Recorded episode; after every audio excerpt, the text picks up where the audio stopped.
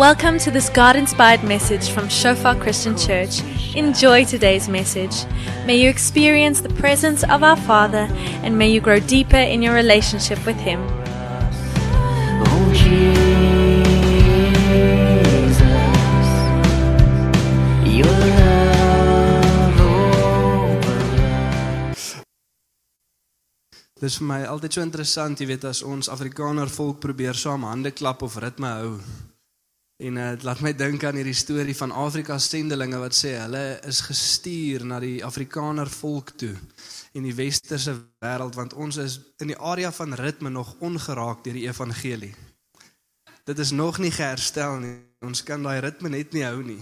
Ons kan nie op die beat klap nie. Um, ons vertrou die Here vir genesing in elke area. Amen. Vir die van julle wat my nie ken, my naam is Wiane. Ek is een van die pastore hier en is regtig 'n voorreg om vanoggend hierso te kan wees en die woord van God met julle te kan deel en spesifiek die woord waardeur ons kan gaan. Toe ek reflekteer daaroor, was dit net vir my so lekker om te weet dat ons hierdie woord kan deel nie in 'n reaksie tot 'n gemeente wat besig is om half uitmekaar uit te val of om te verminder nie, maar dat ons 'n woord kan bring in lig van 'n gemeente wat besig is om te groei en sodat ons die waarde kan uitlig van wat God ons na toe roep sodat geloof gehoue kan bly. Amen. En voordat ek vir ons te veel wil sê, kom ek oop net 'n gebed en dan spring ons lekker in. Ja Here, dankie vir oggend Vader dat U al reeds soveel kom doen het Here en so kom werk het Here. Net weer eens Vader kom uitlig Vader die die voordele Vader en die goedheid Here en die geluk Here en die vreugde Vader van wat dit beteken Here en wat gebeur as ons saamkom as gemeente Here om U naam op te lig. Waar ons vergader Here in die naam van die Here Jesus Christus Vader. En waar U U kerk kom bou Vader, nie genade uitstort Here. En ons kom bid vir oggend Vader dat elke liewe persoon Here verander dit hier sal uitloop Here, dat in ons harte sal kom werk Here. Dat ons 'n groter openbaring het Here van wie U is Vader, die koning van konings Here, en 'n groter bereidwilligheid om die knie te buig sodat tonge bely dat U koning is Here en harte wat bereidwillig is om te gehoorsaam en te beweeg. As U sê beweeg. Dankie Heilige Gees dat U konstant besig is om toe te pas die volkomme werk van Jesus Christus op die kruis om ons te herstel in die wil van die Vader. In Jesus naam. Amen. Ons titel vir oggend is tussen Paasfees en die beloofde land. Tussen Paasfees en die beloofde land. En laasweek het ons 'n bietjie gekyk na Paasfees en veral Paasfees in die Ou Testament hoe dit ingestel was in Eksodus 12 en gesien hoe Hebreërs 10 vers 1 vir ons sê dat die vorige dinge, die wet van Moses, die feeste wat gevier was in die Ou Testament 'n skaduwee is van die realiteit wat sou kom in Jesus Christus. En soos wat ons reflekteer op dit wat gebeur het, dan wys dit vir ons hoekom Jesus kom doen en sê het wat hy kom doen en sê het. En ons het laasweek geleer van Paasfees en die oordeel van God as gevolg van die sondige natuur van die mens, maar ons het ook gesien die liefde, die verlossing en die genade van God en hierdie geloof van die mens toegevoeg moet word. En ons het geleer dat Jesus Christus ons paaslam is geslag, maar is nou ons werk net soos die Israeliete om die bloed te gaan toepas op ons huis se deure. Die lam is geslag, die bloed is uitgestort, maar ons moet die bloed gaan toepas op ons deure. Ons moet in gehoorsaamheid volg. Ons moet gereed staan om te beweeg as God sê, beweeg. En in elke area van ons lewe is daar toepassing wat nodig is. En ons gaan nou aangaan half met daai storie in die Ou Testament en wat ons hieruit kan lees. Want ons is nou presies waar die Israeliete was toe hulle uit Egipte uit beweeg het. In die woestyn. Tussen Paasfees en die beloofde land op pad na waartoe God hulle geroep het, op pad na die belofte toe en so ons ook wat elkeen vanoggend hier sit wat 'n wedergebore Christen is wat die bloed van die lam al begin toepas het, is tussen Paasfees en die beloofde land. Ons is op pad na die plek waartoe Jesus ons roep. Ons is ge, geroep om die belofte vas te hou en aan te hou beweeg sodat ons kan ingaan in die belofte wat God vir ons beplan het. En dan is daar sekere lesse wat ons ook kan leer as ons reflekteer op Israel en soos hulle beweeg het na die beloofde land. En dalk 'n paar tips wat ons kan lees want party van die mense vra partykeer, "Jessie, hoe maak mens daai connection altyd tussen die Ou Testament en die Nuwe Testament?" Hoe kan ek leer om ook te sien wat Jesus kom doen het, die evangelie in elke liewe deel van skrif, selfs die Ou Testament? En vir die van julle wat al by Encounter 1 was of gereeld in die in die kerk al was en 'n paar preke gehoor het, is daar gewoonlik iets wat ons sê as ons praat van die evangelie en die volheid van die evangelie. Dan kan ons dit in 4 dele opbreek. En belangrik vir ons om die evangelie te verstaan, moet ons elke een van daai 4 dele verstaan. Wie sou kan onthou wat is die eerste een? Enigiemand. Probleem. So deel 1 van die evangelie, daar is 'n probleem. Dit is wat die evangelie nodig maak. Dit is wat verlossing nodig maak. Daar is 'n probleem, die mens dood in sonde. Beheer deur die duiwel, op pad hel toe en bestem vir die straf van God. Dis die probleem, is nog 'n ernstige probleem. Maar dan is daar 'n tweede deel van die evangelie wat ons moet verstaan. Wat is deel 2? Oplossing. Daar's so 'n oplossing in Jesus Christus. Daar's so 'n oplossing deur die evangelie vir die probleem wat die mense het. En dit is dat Jesus Christus in ons plek gesterf het en in ons plek 'n gehoorsame lewe geleef het. Sodat sy bloed ons skoon was en sodat sy gehoorsaamheid ons geregtig maak voor God die Vader. Maar dan is daar 'n derde deel. Dit is reaksie. Ons is nie net geroep om te kyk na die bloed van die lam nie, maar ons is geroep om die bloed van die lam toe te pas. Ons moet reageer teenoor die boodskap van die evangelie. En die Heilige Gees kom gee ons krag om te reageer, om toe te pas wat Jesus kom doen het. En dan lei dit na die vierde punt toe. Effek. En die effek is goeie goed wat uit ons lewe begin uitvloei en ons word weer herstel in die wil van die Vader. Die probleem van die mens, die oplossing van die evangelie, die reaksie en toepassing deur leiding van die Gees wat ons herstel in die wil van die Vader. Dis die effek. So onthou daai areas en elke keer as ons deurskrif lees, dan kan ons na daai vier punte kyk. Elke keer as jy deur 'n stuk skrif lees, dan kan jy jouself vra, wat is die probleem wat die mens het in hierdie stuk skrif? Wat is die probleem wat geadresseer word? Henny van Shofar Joburg hulle noem dit the people problem. Teoloë noem dit fallen condition focus, die gevallenheid van die mens. Daar's 'n probleem wat ons het. So jy let op, wat is die probleem soos jy deur skrif lees? Dan vra jy jouself, wat is die oplossing wat die evangelie vir ons gee? En dan vra jy jouself, Hoe lei die Heilige Gees my om daai oplossing toe te pas? En hoe herstel dit my in die wil van die Vader? Belangrike vrae vir ons om te vra. En veral as ons kyk na die storie van die Israeliete wat uit Egipte uit beweeg op pad na die beloofde land toe. Jy sien dit sou lekker gewees het as ons dit net een keer hoef te gedoen het, nê? Nee? As gedink het daar was net 'n een probleem. En daar's een oplossing en een reaksie en een effek. Maar dis nie die geval nie so lekker gewees het initieel as ons reageer teenoor die opoffering wat Jesus vir ons gemaak het op die kruis dat alles dan net reg was, maar dis nie die geval nie. Meeste van die Nuwe Testament is geskryf vir die kerk wat klaar gered is, maar nog steeds probleme het. En wat nog steeds die evangelie in verskillende areas moet toepas en wat nog steeds in die wil van die Vader moet kom en belyn. Is julle met my? So belangrik vir ons om daai vrae te vra, veral soos wat ons kyk na die Israeliete en hoe hulle begin. En moenie worry nie, ons gaan nie lees van Eksodus 12 reg deur die boek van Eksodus deur Levitikus deur Deuteronomium totdat ons by Joshua kom nie. Ons gaan net helfte van dit lees. Nee, ek grap net vanoggend. Ons gaan kyk na 'n stuk skrif en ons hoef 40 jaar ook hier te wees tussen Paasies in die beloofde land nie, nê. Nee. Ons gaan kyk na 'n stuk skrif in Hebreërs 10 wat dieselfde probleem adresseer as wat ons sien soos wat die Israeliete uitbeweeg na die beloofde land toe en dieselfde oplossing vir ons gee wat ons kan help daaraan. So ons gaan lees Hebreërs 10 van vers 19 tot 39. Dit sê terwyl of dalk beter vertaal omdat omdat Jesus gedoen het wat hy gedoen het en terwyl die oordeelsdag nog nie hierso is nie. Terwyl ons dan broeders vrymoedigheid het om in die heiligdom in te gaan deur die bloed van Jesus op die nuwe en lewende weg wat hy vir ons ingewy het deur die voorhangsel heen dit is sy vlees en ons 'n groot priester oor die huis van God het, laat ons toetree met 'n waaragtige hart en volle geloofsversekerheid. Die hart het deur besprinkeling gereinig van 'n slegte gewete en die liggaam gewas met rein water. Laat ons die belydenis wat die hoop onwankelbaar vashou, want hy wat dit beloof het, is getrou.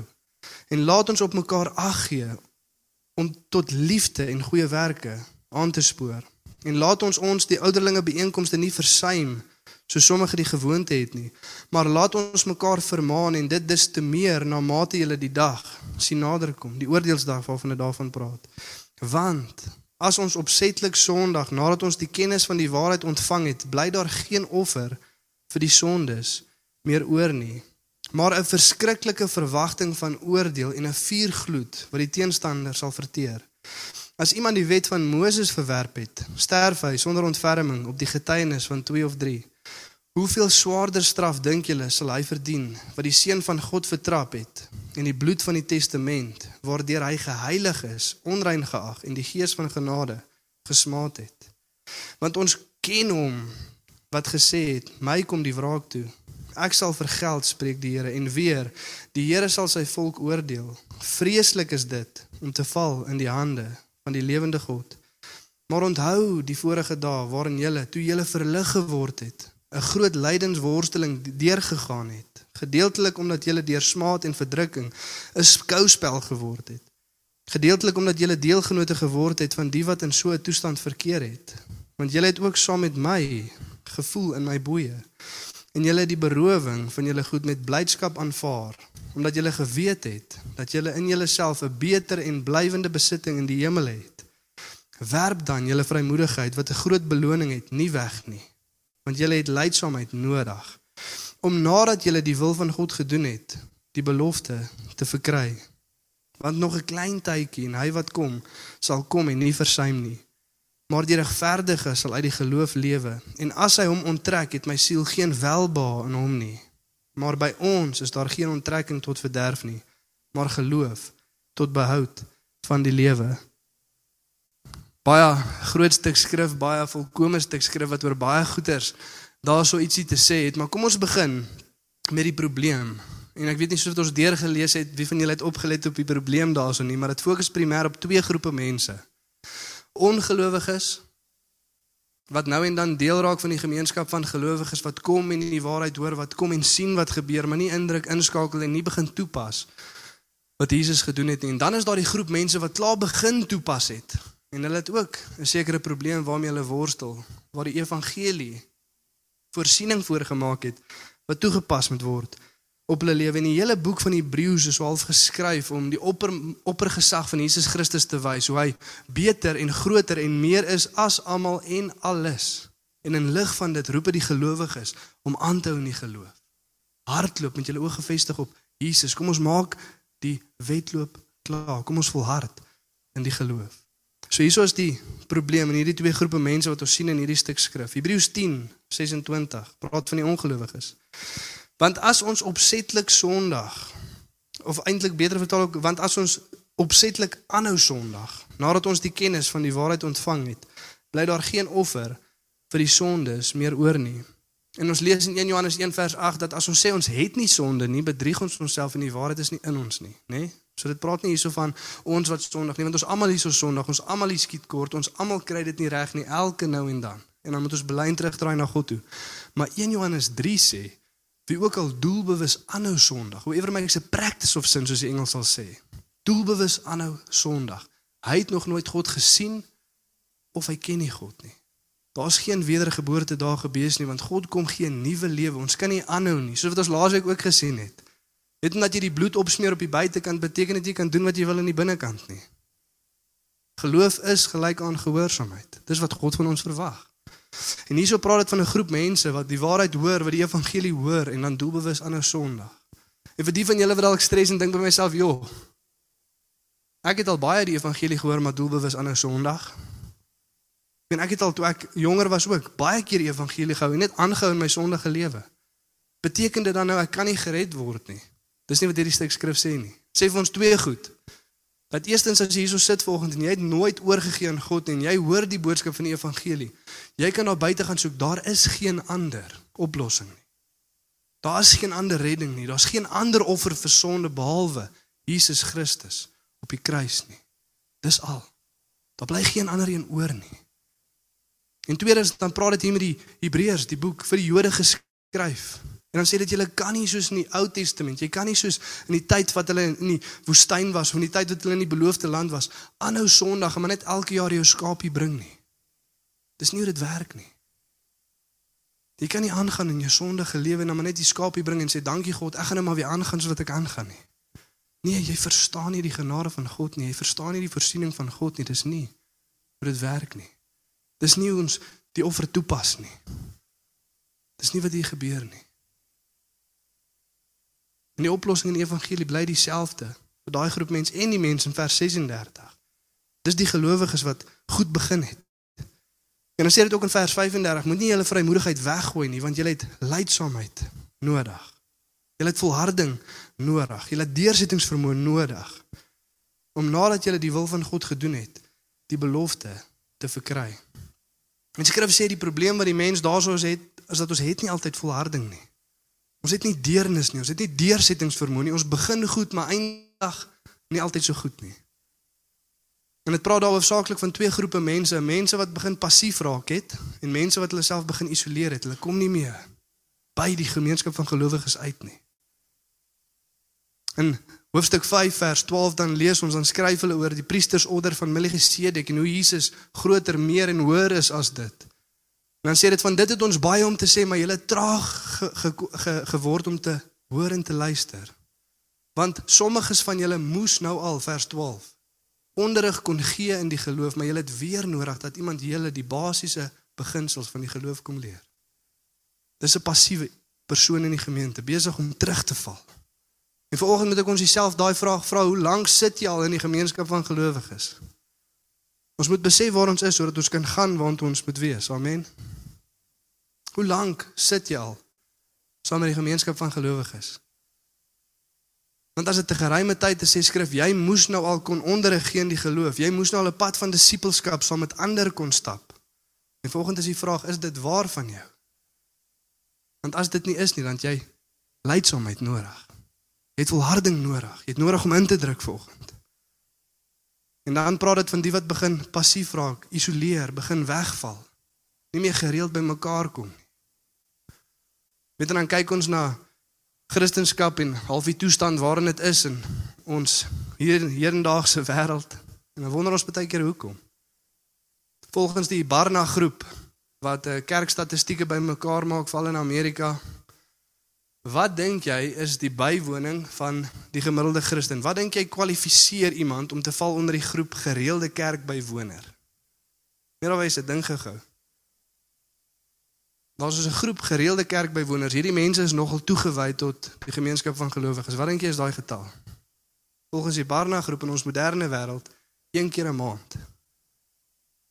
Nou wonder ons hoekom lyk ons geloof baie keer so wat dit lyk, hoekom groei ons nie soos wat dit veronderstel is om te groei nie. En dis maar ek weer eens sê dit is so 'n 'n versekerende ding om nie 'n reaksie teenoor 'n gemeente wat uitmekaar uitval dit uit te lig nie, maar 'n gemeenskap wat groei, onsself te herinner aan wat belangrik is en wat God sê ons moet aan vashou sodat ons bly groei. Amen. Maar daar's 'n neiging om terug te deins om nie klaar te maak nie. En in lig van dit as ons dan reflekteer op die storie van die Exodus uit Egipte uit, dan is daar 'n waarskuwing wat duidelik moet uitstaan. Exodus 12 vers 37 sê daar daar ten minste 600 000 mans sonder vrouens en kinders Egipte verlaat. Om te sê daar's een man En vir elke een man is daar ten minste een vrou en een kind, 1.8 miljoen mense. So 2 miljoen mense wat uit Egipte uit beweeg. Maar kom ons fokus net op daai groep, 600 000 mans. En van 600 000, hoeveel gaan die beloofde land in? 3. 3. 3 mense. 600 000 begin beweeg. 600 000 begin volg. Net 3 maak klaar. En in lig van dit dan moet ons vir onsself sê, Here, ons ons let op. Ons sien, ons kyk, ons wil leer. Want 600 000 maak 3 dat tot in die beloofde land. In die boek van Hebreërs leer vir ons hoekom. In hoofstuk 4 vers 2 dan sê dit want hulle was nie in geloof ge in eenheid saam met die wat gehoor en geglo het nie. En dan in hoofstuk 4 vers 6 omdat hulle volgens ongehoorsaamheid nie kon ingaan nie. Gehoorsaamheid nodig. Eenheid saam met die wat geloof het nodig om die beloofde land te kan ingaan. En in lig van dit en veral al die misleidende waarhede wat daar is volgens die eindtye en wat nou besig is om ons, ons daar te gebeur, aan vra ons self die vraag: Wat is die een ding wat Jesus gesê het van die eindtye? Wat is die een ding wat Jesus gesê het wat gaan nodig wees as ons wil beweeg tussen Paasfees en die beloofde land? En in Matteus 24 dan vra sy disippels hom: "Wat sal gebeur? Hoe sal dit gebeur? Wanneer gaan hierdie goed gebeur?" En Jesus vertel 'n paar goeders, maar die kern van dit sien ons hierso in Matteus 24 vers 10 tot 13. En dan sê hy daar sal oorlog te wees en gerugte van oorlog, but don't be alarmed. Moenie geskit wees nie, moenie angstig word nie. En dan sal baie tot struikeling gebring word. Die engel sê and many will fall away. So baie sal wegval. en mekaar verraai en mekaar haat en baie valse profete sal opstaan en baie mense mislei. So baie sal wegval en baie sal mislei word. En omdat die ongeregtigheid, lawlessness vermeerder word, sal die liefde van die meeste verkoel. Maar die wat volhard tot die einde toe, hy sal gered word. En Jesus sê dieselfde. Jy het lydsaamheid nodig. Jy het volharding nodig, jy het deernis nodig. En die skrif sê goed gaan so erg raak dat as dit nie vir die uitverkorene mense van God was wat God die tyd verkort het nie, sou niemand gered gewees het nie. Sterk stelling. Sterk stelling, maar jy het volharding nodig. En dan vertel Jesus 'n paar gelykenisse in lig van dit. Die eerste is van die twee diensknegte. Jy kan self daardeur gaan lees.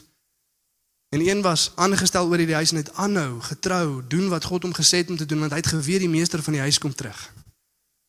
En die ander een het vir homself gesê nee sekerlik gaan my meester nie enige tyd gou kom nie. Hy het homself sleg begin gedra. Hy het nie vasgehou aan die hoop dat Jesus terugkom nie, so wat Hebreërs 10 vir ons sê. En toe die meester terugkom en sien wat hy doen, het hy hom in stukke gesny en saam die skynheiliges gewerp. Ernstige stuk skrif. Dan die 10 maagde Vyf het genader tot die bruidegom en was wys geweest en hulle het volharding gehad en hulle het ingegaan en vyf was dwaas en hulle het nie. En dan vertel hy die die gelykenis van die talente en dan wonder ons altyd hoe pas hierdie storie nou ook hier in? Want Jesus het nie ons net geroep om net te behou om te behou te bly wat ons het nie, maar om te groei en te vermeerder dit wat hy gegee het. Met die persoon wat net half maintenance toegepas het op die bietjie wat God gegee het. God was ontevrede met daai persoon. Ek het jou nie geroep om net hier passief te sit nie, maar om te groei in jou geloof en te vermeerder wat ek gegee het. En dan die finale oordeel in die bediening van die gelowiges. Waar die koning kom en sê: "Getroue diensknegte, julle het my honger gesien en my kos gegee. Dors gesien en my iets gegee om te drink, kaal en my klere gegee. Siek en in die tronk en julle het by my kom kuier. En vir die res, julle het dit nie gedoen nie."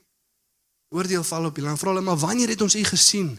En dit nie gedoen en dan wys hy na die gemeenskap van gelowiges toe en sê as jy dit vir die minste van hierdie gedoen het, het jy dit vir my ook gedoen. Ag Jesus Jesus vir ons 'n definisie van wat dit beteken om te volhard in die geloof. Nie net maintenance toe te pas nie, maar te groei wat hy gegee het. En om te volhard in die werk wat hy vir ons gegee het om te doen. En om die gemeenskap van gelowiges te bedien, want dan bedien ons homself. Belangrik vir ons om te onthou want ons gaan nou by daai punt uitkom. Maar Jesus sê ons het dit nodig.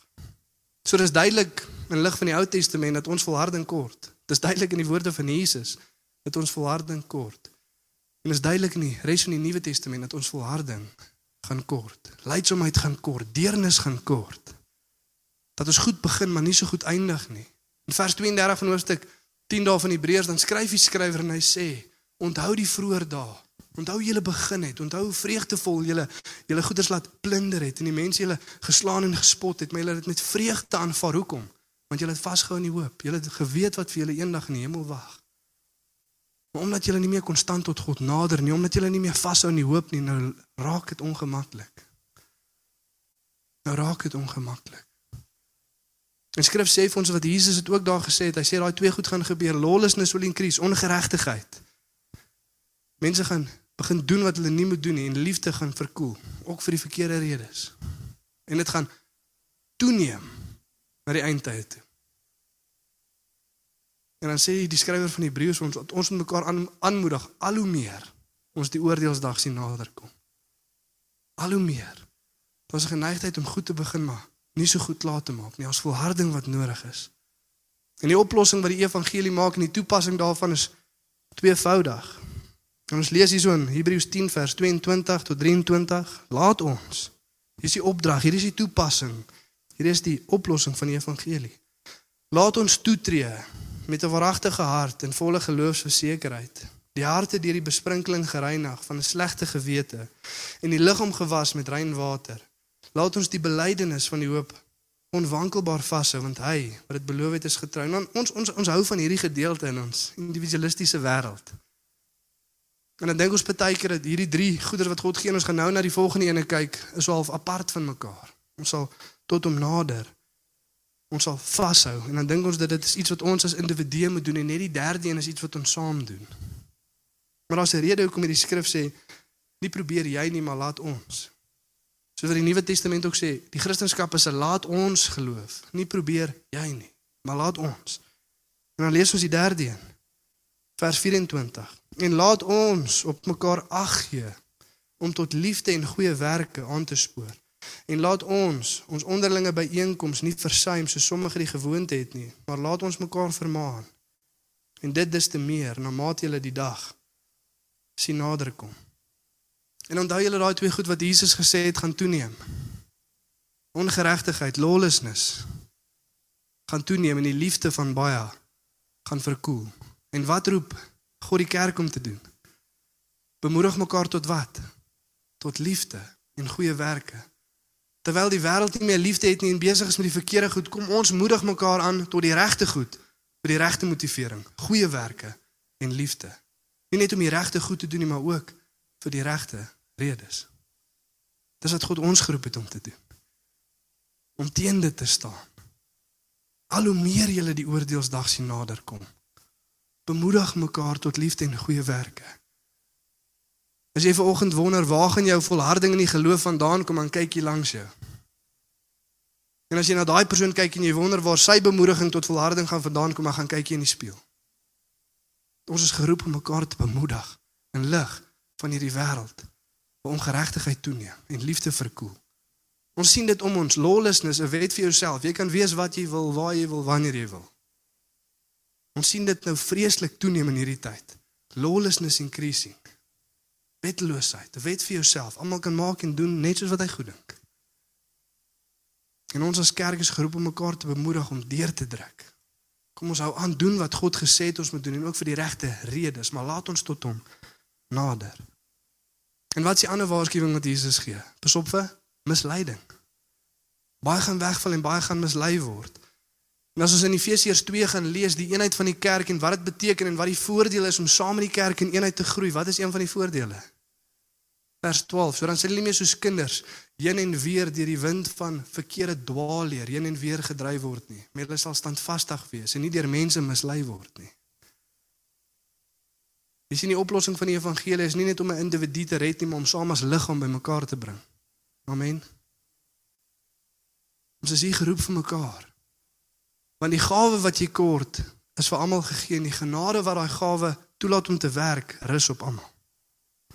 Maar God het ons geroep om mekaar te bemoedig tot liefde en goeie werke. Maar nou moet ons ook verstaan terwyl die kerk wat volgens 1 Timoteus 3 vers 5 15 die waarheid moet beskerm en die waarheid moet ophou. So vir Engels sal sê a pillar and buttress of truth.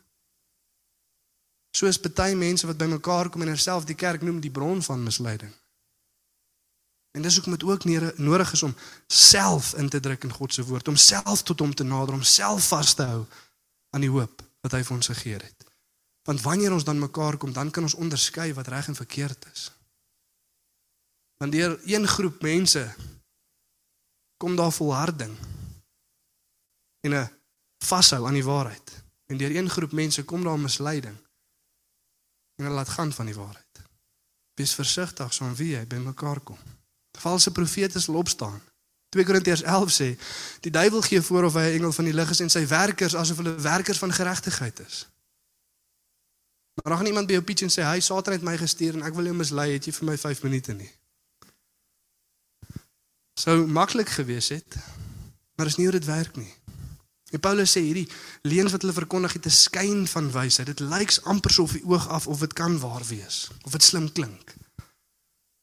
Daar wil altyd meer met ons die waarheid ken en vashou en omring wees met mense met 'n liefde vir die waarheid. As ons by self sit, daar's geen ander plek waar ek wil agterkom dat ek iets verkeerd verstaan of glad nie verstaan as in my selgroep nie. Mense met 'n liefde vir die waarheid wat my kan lei op die pad wat ek veronderstel is om te wees. Sien baie keer voel ons as ons omring is deur Christen ons moet altyd die regte woorde sê. En as ons nie die antwoord weet nie, nou bly ek stil. Maar in jou selgroep wil jy agterkom wat jy nie weet nie, wat jy verkeerd weet en wat jy reg verstaan. Sodat ons mekaar kan lei om aan waarheid vas te hou en saam vorentoe te beweeg. Want dis wat God ons geroep het om te doen. By mekaar te wees. So ons het hierdie drie goed. Hebreërs 10:22 tot 24. Laat ons toetree met 'n waaragtige hart en volle geloofsversekerheid. En laat ons die belydenis van die hoop onwankelbaar vashou. En laat ons op mekaar ag gee om tot liefde en goeie werke aan te spoor. Jy sien, in partykeer dan dink ons dat hierdie drie goeters werk in isolasie of apart van mekaar. Die eerste twee is wat ek as individu geroep is om te doen en dan nou en dan nommer 3 doen ons saam. Maar skrif sê al werk dit nou en dan in isolasie, werk dit elke keer saam as ons bymekaar kom. Al drie hierdie goeders is besig om vanoggend te gebeur. Die woord wat gebring word na lofprysing. In lofprysing soos wat ons tot God genader het. Met waaragtige harte, Here, hier is ons om U te dien. En dan daai bemoediging van die gemeente te ervaar en om saam vas te hou aan die hoop dat Jesus Christus eendag vir ons gaan terugkom. Al drie gebeur saam en op verskillende grade en ons gaan volgende week bietjie daarna kyk. Nie teenwoordigheid alleen hang nie af van wat gebeur nie. Dit is baie keer so interessant so wat die een nou sê, hy wonder baie keer hoe kan ons in 'n vergadering saam sit? En party mense ervaar die teenwoordigheid van God so tasbaar in hulle lewens word onherroepelik verander en die persoon reg langs om wonder wat hy vanmiddag gaan eet. Hoe gebeur dit? En dit gebeur baie keer met almal van ons waar een persoon so verander was, so tasbaar die teenwoordigheid van God aanvaar het. En 'n ander persoon het gewonder, "Oké, hoe laat maak hierdie ding nou klaar?" En volgende week gaan ons 'n bietjie praat oor hoekom gebeur dit en hoe kan ons dit laat gebeur? Sien, want baie keer is ons so gewoond om iets te doen, ons mis die betekenis van dit. Ons mis wat dit so kosbaar maak. En dan haak ons of vas in tradisie wat dit is maar net wat ons nog altyd gedoen het of ons sê want God sê so. Kyk, Hebreërs 10:25 was al baie keer gebruik om mense te manipuleer. En as ons sien goed gaan nie meer so goed nie, dis hoekom ek so bly is dat ek nie hoef te reageer in lig van 'n gemeente wat uitmekaar uitval nie, maar vir 'n groeiende gemeente kan sê, hierdie is wat God van ons verwag. Want baie keer dan sê mense nie ons moet bymekaar kom, hoekom? Nee, want God sê so. En terwyl dit waar is en terwyl dit ook genoeg is, kyk vir elkeen wat die karakter van God verstaan, hoef nie die rede van God te verstaan nie. Want hulle weet dat God is besig met 'n goeie ding vir sy glorie en vir my goed. So wat ook al hy sê, weet ek omdat ek sy karakter ken. Hy besig is met 'n goeie ding. Maar dit is ook belangrik vir ons om die rede te verstaan. Hoekom ons bymekaar kom? Wat wat is dit wat vir God so belangrik is? Hoekom wil hy hê ons moet dit gereeld en konstant doen? Wat is besig om uitgebeeld te word? Hoekom stig dit geloof? Hoekom kweek dit volharding? Wat is ons besig om onsself aan te herinner en vir ons kinders en die mense om ons te wys? Wat is besig om te gebeur? En om vir ons daai vraag te vra vanoggend. Wat beteken kerk vir jou? Hoekom kom jy op 'n Sondag kerk toe? Hoekom gaan jy in die week sel toe? En ons verstaan die voordele, ons verstaan dat dit kweek volharding in my en dit keer my om nie mislei te word nie. En terwyl dit al goeie selfsugtige redes is om te kom daai, is daar 'n dieper rede. Maar wat doen dit vir God en wat wys dit vir die wêreld om my? Wat is ons besig om uit te beeld hier vanoggend? Jy sien die woord kerk in die Nuwe Testament, die Griekse woord ekklesia beteken 'n called out assembly. Twee woorde daarso. Callio, jy kan al die woord call daarso hoor in die Grieks. Wat beteken called en die suffiks ek out of, called out of. En terwyl daar baie redes is en baie verwysings wat gebeur, net soos wat ons 'n 'n halfe koninkryk van priesters is, volgens die boek van Petrus. Ons is nie 'n koninkryk met priesters nie, ons is 'n koninkryk van priesters. En 'n priester se werk is om eers te God te bedien, dan mekaar te bedien en dan die wêreld gaan bedien. En ons is nou die tempel van God wanneer ons by mekaar kom. So net so wat dit een van die goeders is wat ons doen, ons as tempel by mekaar kom om God te dien, mekaar te dien en dan die wêreld te gaan dien. Is daar spesifieke beeld wat ons ook hier kan sien as ons terugkyk na die Exodus. sien God het sy mense uit Egipte uitgeroep om hom te gaan dien in die wildernis uit onder die slawerny van Farao uit. En ons is 'n groep mense wat uit die wêreld uitgeroep word. Uit die heers van Satan uit om God te kom dien. So elke liewe Sondag as ons bymekaar kom, dan herinner ons onsself dat ons is uitgeroeptes om uit die wêreld uit te kom, om saam bymekaar te kom om tot hom te nader, om hom te dien, om hom te loof, om hom te eer, soos wat ons wag totdat hy terugkom en onsself te herinner dat net soos wat ons hierso sit, so gaan ons die koninkryk in. Die kar waarmee ons intoe gery het, die huis en al die goed in die huis gaan nie saam nie. Dis net ons. En ons herinner onsself dat ons het die pad wat maklik is verlaat. Ons het gekies om die wildernis om God in te gaan want daar gaan hy voorsien. En dit is nie altyd maklik nie en is nie altyd gerieflik nie, maar daar's die voorsiening van God. So wat Matteus 7 sê en Jesus sê vir ons die pad wat breed en gemaklik is, dis lekker en baie mense gaan daarin. En dit lei na die verderf toe. Maar die pad van lewe is moeilik en die hek is smal. En die wat dit vind is min. In 'n lig van 600 000 en 3 wat ingaan, dan sien ons dit maak sin. Die vroeë kerk was the way genoem, die pad deur die woestyn na die beloofde land toe. Dit is wat ons vir ons kinders wys, dit is wat ons vir die mense om ons wys. Kom saam met ons want ons is uitgeroep uit die wêreld uit en ons kom uit die wêreld uit en by mekaar om God te dien, mekaar te dien. 'n Wonderlike ding. En een ding wat ons ook moet besef vanoggend is net soos wat God in 'n spesiale krag by die Israeliete was soos wat hulle uit Egipte uit beweeg het, soos hy ook nou hier by ons in 'n spesiale krag. Paulus skryf in 1 Korintiërs 5, dan praat hy van die suurdeeg wat in die gemeente is, seksuele immoraliteit en hoe hulle dit moet verwyder uit hulle midde uit. Dan sê hy in vers 7, want Christus ons paaslam slag geslag, wys terug na dieselfde ding toe. En in vers 4 sê hy, wanneer julle by mekaar kom, dan die krag van Jesus by julle. Die Griekse woord daarvoor krag dunamus. Selfde woord wat Jesus sê as die vrou in sy kleef vat en krag het hom verlaat. Selfde woord in Lukas 4 vers 1 wat hy sê in die krag van die Heilige Gees het hy begin bedien. En selfde woord wat Jesus sê en hy's nou gesit aan die regterhand van die Vader en van krag. En Jesus sê wanneer ons saamkom om daai ding weer uit te beeld dat ons uit die wêreld uit geroep is om hom te dien. mekaar te dien en mekaar aan te moedig tot liefde en goeie werke dan sy hier 'n spesiale krag om te verlos, bevry en te genees. Dis hoekom ons baie keer na die tyd sê kom bid saam met ons. Reageer op die woord van God. Hoekom? Want God wil nou genees, nou herstel. En baie keer dan dink ons by onsself, nee, ek wil nie regtig voor die mense my goeders deel of of nou my hand opsteek of nou gaan vir gebed nie. Ek sal dit alleen by die huis doen en Jesus sê dieselfde krag wat nou hierso is, is nie noodwendig daar nie. Want hy wil vir die wêreld wys. Dis wat hy vir Vader ook gesê het, sodat die wêreld mag weet dat die Allerhoogste heers. Sodat daar gemeenskaplike getuies kan wees van die goedheid van God. Dit is wat ons besig is om uit te beeld. Elke keer as ons bymekaar kom en ons herinner onsself daaraan. Ons wys dit vir ons kinders. Mamma en pappa maak like dit nog hier so in die bed. Kan ons nie eerder kerk net oor Zoom kyk vir oggend nie? En terwyl dit baie keer 'n goeie supplement is as ons regtig nie kan kom nie, is dit glad nie dieselfde nie. Om te dink dat om kerk te kyk oor 'n skerm genoeg is, sal dieselfde wees soos 'n Israeliet wat in sy huis sit en deur sy venster na die Exodus kyk en op een of ander manier dink hy het ook uit Egipte uitgegaan. Werk nie so nie. Ons moet saamkom om God te beleef. En is nie net hier om te ontvang nie, maar om te gee. Hierdie skrif sê nie en jy moet gaan sodat jy bemoedig kan word tot liefde en goeie werke. Dit sê gaan sodat jy gaan bemoedig tot liefde en goeie werke. Gaan gee jy en daar sal vir jou gegee word. Gaan stuur jy en daar sal gestuur word in jou. En ek wil vir ons klaarmaak met vers 37 en 39. Want nog 'n klein tydjie en hy wat kom sal kom en nie versuim nie. Maar die regverdiges lei die geloof lewe en as hy hom onttrek, het my sien geen welbehae aan hom nie. Maar by ons is daar geen onttrekking tot verderf nie, maar geloof tot behoud van die lewe. Maar by ons is daar geen onttrekking tot verderf nie, maar geloof tot die behoud van lewe. Kom ons besef hoekom ons vanoggend saamkom. Kom ons besef wat besig is om te gebeur, wat ons besig is om vir die wêreld te wys. Kom ons gee betekenis daaraan. Dis nie tradisie of waar ons nou maar gewoond is nie, maar elke keer as ons kom en sê ons ons paaslam was vir ons geslag gewees, Jesus Christus en omdat hy op 'n Sondag uit die dood uit opgestaan het, het hy dit vasgemaak vir ewigheid.